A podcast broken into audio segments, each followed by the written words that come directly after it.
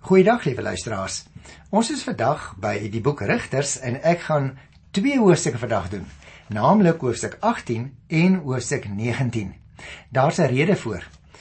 Ons is eintlik vandag by die laaste afdeling, die laaste groot indeling van die boek Rigters. Jy sal nog onthou uh hoofstuk 1 vers 1 tot 3 vers 6 het gehandel oor die inleiding en die tema En toe het ons 'n lang gedeelte gehad, 3 vers 7 tot 16 vers 31, wat gehandel het oor die val en die opstaan van die Israeliete. Telkens ontrou geword na stuur die Here 'n rigter.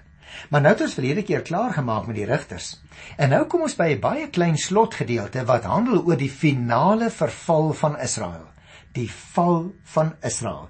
En ons kry dit in Hosea 17 vers 1 tot aan die einde van die boek Dit was aan die einde van Hosea 21. Maar ek gaan begin deur twee hoofstukke vandag daarvan te behandel. Naamlik Hosea 17 wat handel oor Micha se afgode en dan gaan ek uh, die 18de hoofstuk doen oor die Danite. Nou uit die aard van die saak is daar heelwat inligting en daarom wil ek sommer dadelik begin. Hoofstuk 17 Kom ek gee eers vir jou so 'n bietjie 'n oorsig en dan kyk ek na sekere van die verse. Micha van wie ons hier gaan lees is die dief. O oh, ja, hy is die dief wat steel om homself te verryk en wat self arm besteel word later. Jy moet opmerk as jy die verhaal nou nog gaan lees hierso in Rigters 17.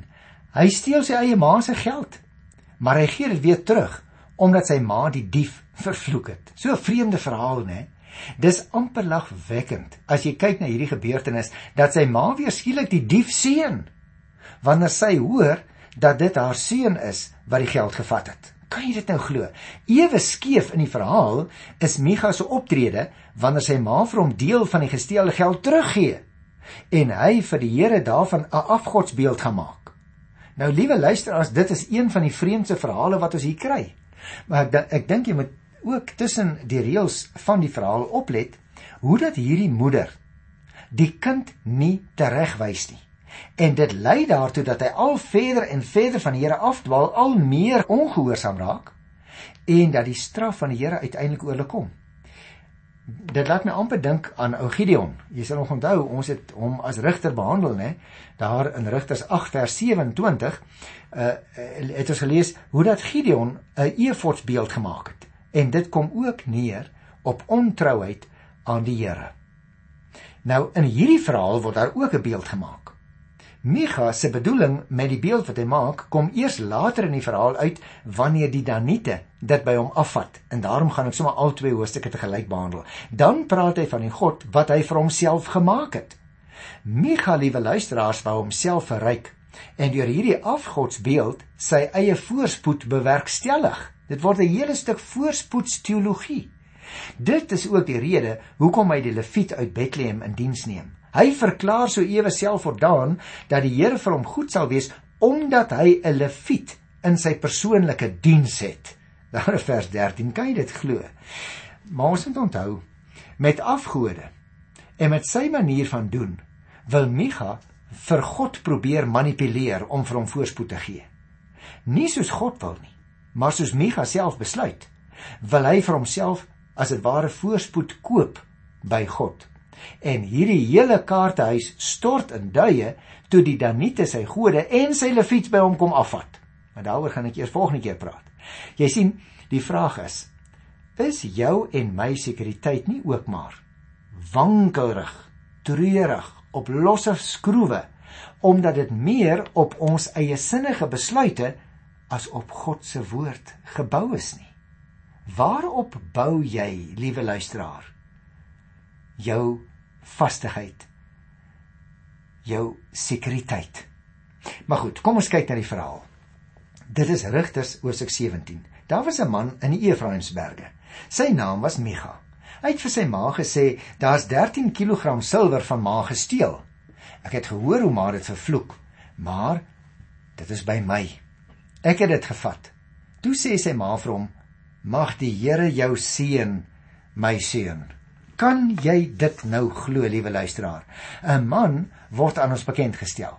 Hy kom uit die hoë bergwêreld van Samaria waar die stam van Efraim hulle woongebied gekry het. Gerieflikheidshalwe word in die teks gepraat van die Efraimsberge. Die presiese plek waar die man gebly het word nie meegedeel nie. Dit moet naby een van die hoofpaaie gewees het, want hy kom uit 'n uh, vroom en 'n welgestelde familie en ons gaan net nou lees van 'n leviet wat daarby gekom het. So ons kan aanvaar dit was nie heeltemal 'n afgeleë gebied nie. Die mooi naam is aan hom gegee Micha. En dit beteken uit die Hebreëus direk vertaal Micha, Miki Jahwe, wie is soos die Here. Sy ma was 'n ryk vrou. Sy pa word nooit in die verhaal vermeld nie. En dit lei tot die gedagte dat sy ma dalk 'n weduwee kon gewees het. Nietemin Micha besluit om 13 kg silwer van sy ma te steel. Miskien het hy nie gereken dat dit hom as die seun van die huis toekom. Toe vat hy dit maar.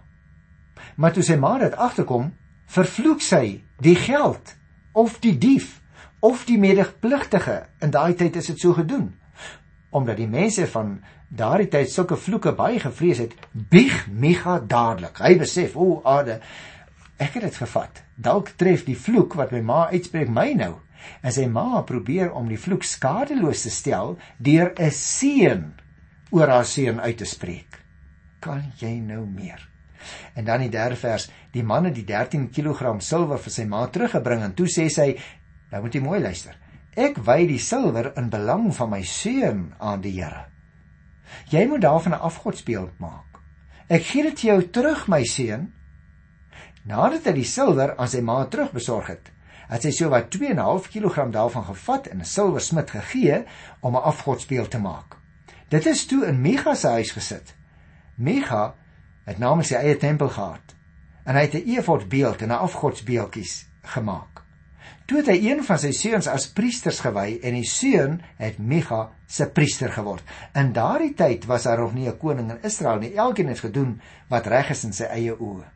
So as ons hierdie verhaal lees van 'n seun wat van sy eie ma steel en die ma seën hom om die straf wat sy oor die dief uitgespreek het te probeer herroep en dan dan gee sy boonop vir hom nou nog ook hierdie silwer en dan maak hy daarvan 'n afgodsbeeld. Kan jy nou glo? Nou maar daarom moet ek my nou dadelik haas oor hoe die verhaal nou verder gegaan het. Want luister hierso vers 7 tot 9.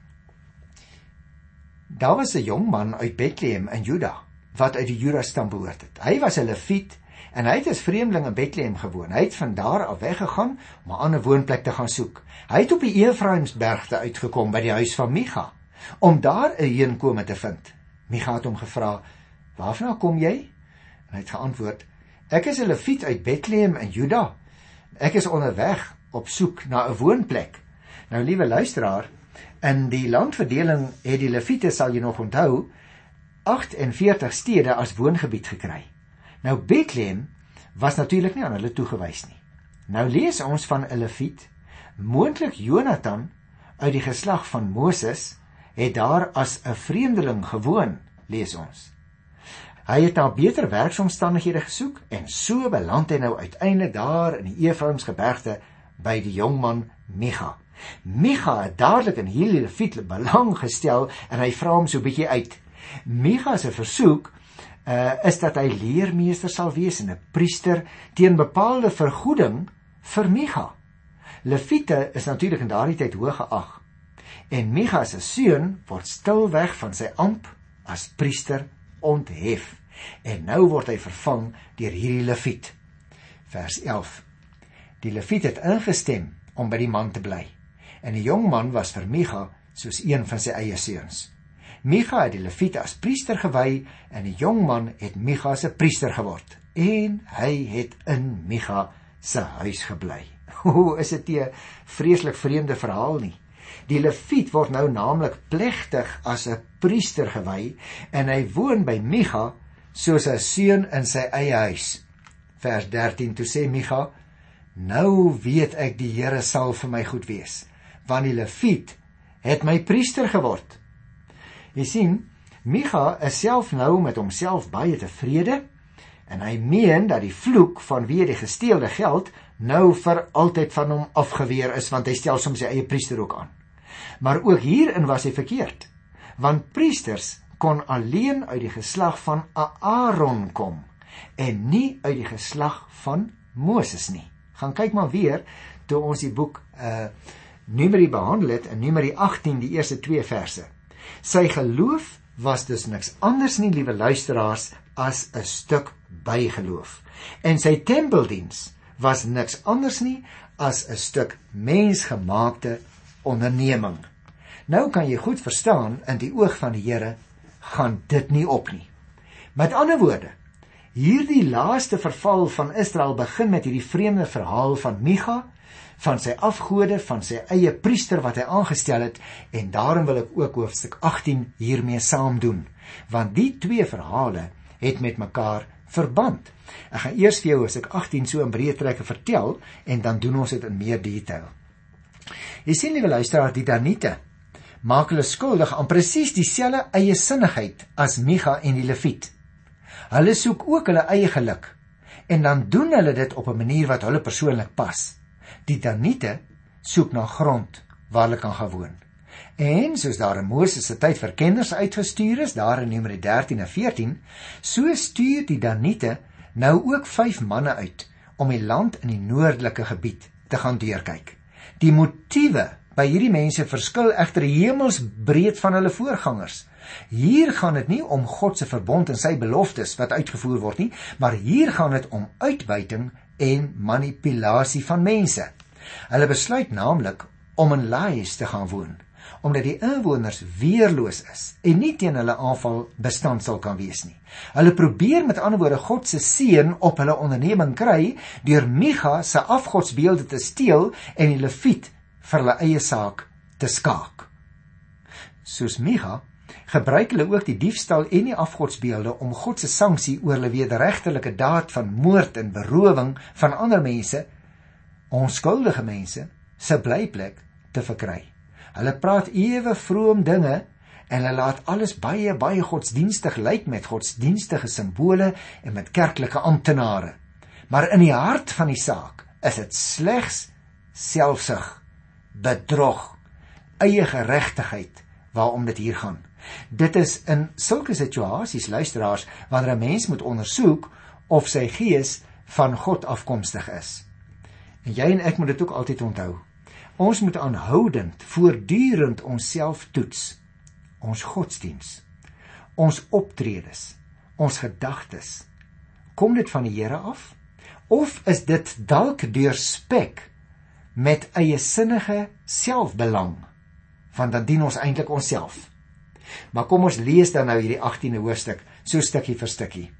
Die stam dan trek na Laies toe en nou sal jy verstaan as ek begin lees hoekom dit aansluit by die 17de hoofstuk want hierdie Lewiet wat 'n uh, priester gemaak is, gaan hier in hierdie verhaal nou skielik op die toneel weer verskyn. In die tyd toe daar nog nie 'n koning in Israel was nie, het die stam dan grond gesoek om op te woon. Want tot op daardie tyd het hy nog nie sy eie besitting onder die stamme van Israel gekry nie. Dit was dus nog so lees ons hier voor die tyd van die konings. Die stam van Dan het nog nie sy eie besitting gekry nie en as jy sal onthou daar by Joshua 19 vers 40 tot 64 is daar wel grondgebied aan hulle toegewys.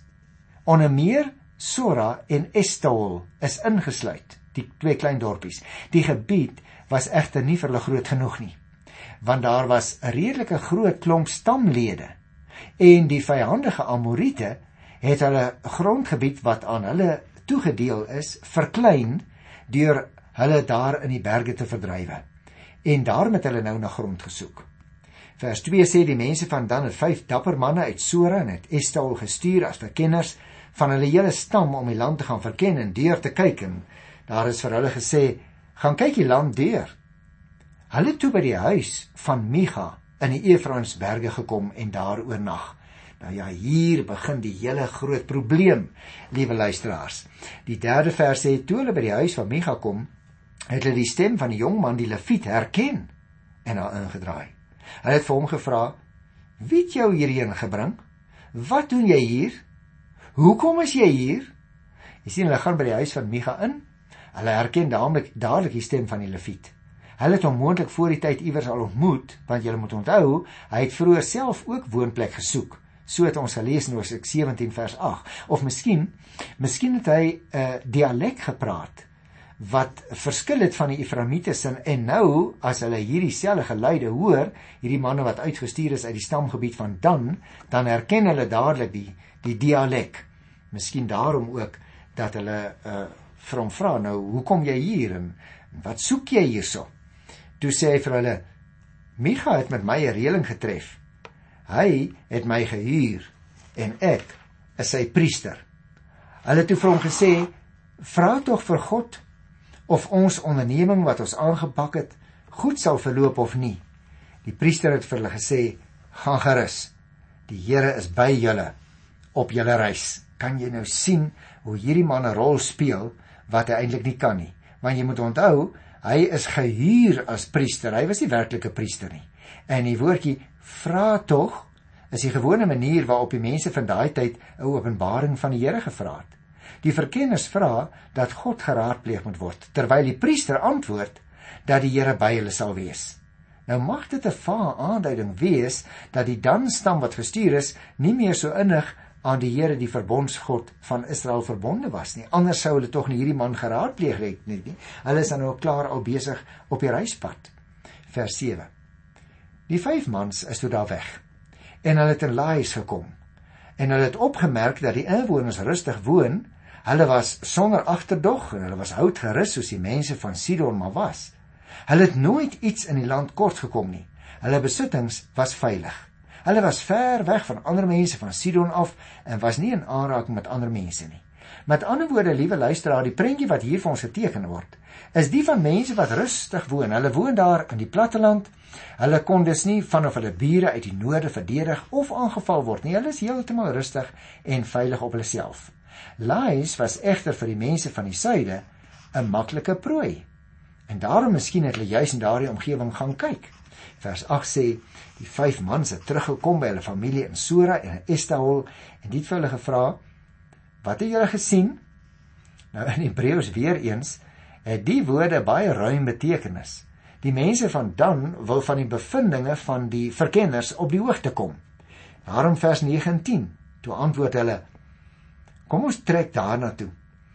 Ons het die land gesien dis baie mooi wat sit julle nog stil moenie talm op die land om die land in besit te gaan neem nie wanneer jy trek, sal jy by 'n volk kom wat hout gerus is en sy land lê oop na weerskante toe. Die Here gee vir julle 'n plek wat daar nie gebrek is aan enige iets op aarde nie. Die verkenners, die vyf manne wat nou die land gaan verken het, spoor dus hulle eie mense nou dat hulle terug is aan tot onmiddellike optrede. Hulle sê kom. En nou het jy opgemerk, liewe luisteraar, drie motiverings word gegee. Die mense van Lais is houtgerus. Dis die een. Die land lê na weerskante toe oop. Daar's dus baie ruimte, nê? En derdens, dit is 'n geskenk van die Here. So voer hulle aan. So hulle sê, "Man, maak julle almal klaar dat ons kan trek. Ons het nie nog tyd verloor nie. Hierdie ding uh kan ons sommer maklik maklik deurvoer." Vers 11. 600 goed gewapende manne uit die stam van Dan het uit Sora en uit Estaol opgetrek. Nou, liewe luisteraars, dat hulle goed gewapen was, getuig juis daarvan dat hulle 'n ordelike en 'n gevestigde samelewing gewoond was. Hulle families het ook saam met hulle getrek. Dit sal ons eers later in die 21ste versie teekom. Vers 12. Hulle het kamp opgeslaan by Kirjat Jearim in Juda. Daarom word die plek wat net agter Kirjat Jearim lê, nou nog Megani dan genoem. Jy sien hulle slaan eers kamp op by Kirjat Jearim. Dit was net so, ek sou sê luisteraars omtrent so 11 km noordwes van Jerusalem. En die stad was ongeveer 14 km van die beginpunt af. Hulle moet seker 'n tyd lank daar vertoef het, want die plek waar hulle gekampeer het, het hulle genoem Megani Dan. Letterlik uit die Hebreëus vertaal Dan Salar. So hulle slaan daar kamp op. En dan vers 13 en 14. Van daar af het hulle na die Efraimsberge toe getrek en by Micha se huis gekom. Die vyf man wat die land by Laies gaan verken het, het vir hulle stamgenote gesê: "Julle weet, in hierdie huis is daar 'n efodbeeld, afgodsbeeldjies en 'n godsbeeld. Julle moet nou weet wat julle behoort te doen." Nou hier begin nou nog moeilikheid na vore kom want ons hou die hele opset sal jy nog onthou luisteraar wat in daardie huis was was nie van die Here nie. Toe hulle nou hier in die Efraimsberge aankom, gaan hulle nou ook na daai huis toe waar die verkenners aan die ander verduidelik dat die inhoud van Micha se tempel vir hulle eie kultuurbeoefening baie kon beteken. Die woordjie julle weet wat dit vir julle behoort te doen beteken dat hulle tot roof moet oorgaan. Wat 'n skurke spul het ons hier te maak. Nou vers 15 tot 17 hulle daar ingedraai en dan kan jy maar gaan lees hoe dat hulle die goed gevat het. Vers 17 sê en die vyf wat die land verken het, het by die huis ingegaan en die e en die godsbeeld en die afgodsbeeldjies en die efodbeeld gevat. Die priester het by die deur gestaan by die 600 goed gewapende mans. Nou, liewe luisteraars, hier gebeur dus iets want hierdie mense is besig om eers hierdie ou wat homself voordoen as 'n priester, hierdie leviet te beroof. Vers 19, hulle sê van bly stil, moenie praat nie. Kom saam met ons, wees ons leermeester en priester. Is dit nie is dit nie vir jou beter om priester te wees vir een man se huis of vir al die mense van die stam van Israel nie? Die priester was toe tevrede en hy het die efodbeeld, die afgodbeeldjies en die godsbeeld gevat, saam met die mense van Dan gegaan. Hulle toe weggedraai en vertrek met hulle kinders en vee en besittings op die voorpunt. Kan jy glo dat hierdie man wat soveel onreg gedoen het aan 'n ou wat daar gewoon het in Efraimsberge, hom sommer nou nou laat verlei. Hy laat hom weer oortuig en hier trek hy nog weg en hy steel ook nog die eiendom van die man wat vir hom tot op hierdie stadium baie goed was. Die 27ste vers sê die mense van Dan het die beelde gevat wat Micha gemaak het en ook die priester en Elias toe gegaan na die volk wat sonder agterdog en houtgerus woon en hulle doodgemaak en hulle stad verbrand. Kan jy dit glo? Niemand kon hulle red nie want hulle was ver van Sidon af en nie binne bereik van ander mense nie. Die stad was geleë in die laagte by Bet Regob. Kan jy glo dat hulle so wreed is? Hulle gaan in daardie plattelandse dorpie. Hulle gaan verwoes dit van 'n kant af. Daar staan Laius word oorval en die stad is verbrand. Die stad was weerloos. Laius lê daar in die laagte. Met ander woorde, hierdie mense van Dan kom, hulle oortuig daai ou wat nie regte priester is nie om saam met hulle te trek. Hy gaan saam met hulle en hulle gaan verslaan daardie mense. Hulle verwoes hulle hele plek daar op die platte land waar hulle rustig gewoon het. Vers 29 vertel vir ons Hulle die stad hulle het die stad Dan genoem na hulle stamvader Dan wat vir Israel gebore is. Die stad is vroeër Lais genoem. En die mense van Dan het die afgodsbeeld daar opgestel en Jonathan die seun van Gersom, die seun van Moses en sy seuns was priesters vir die stam Dan tot die bevolking in ballingskap weggevoer is.